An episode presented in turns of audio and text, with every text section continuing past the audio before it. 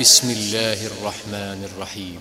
ألهاكم التكاثر حتى زرتم المقابر كلا سوف تعلمون ثم كلا سوف تعلمون كلا لو تعلمون علم اليقين لترون الجحيم ثم لترونها عين اليقين ثم لتسألن يومئذ عن النعيم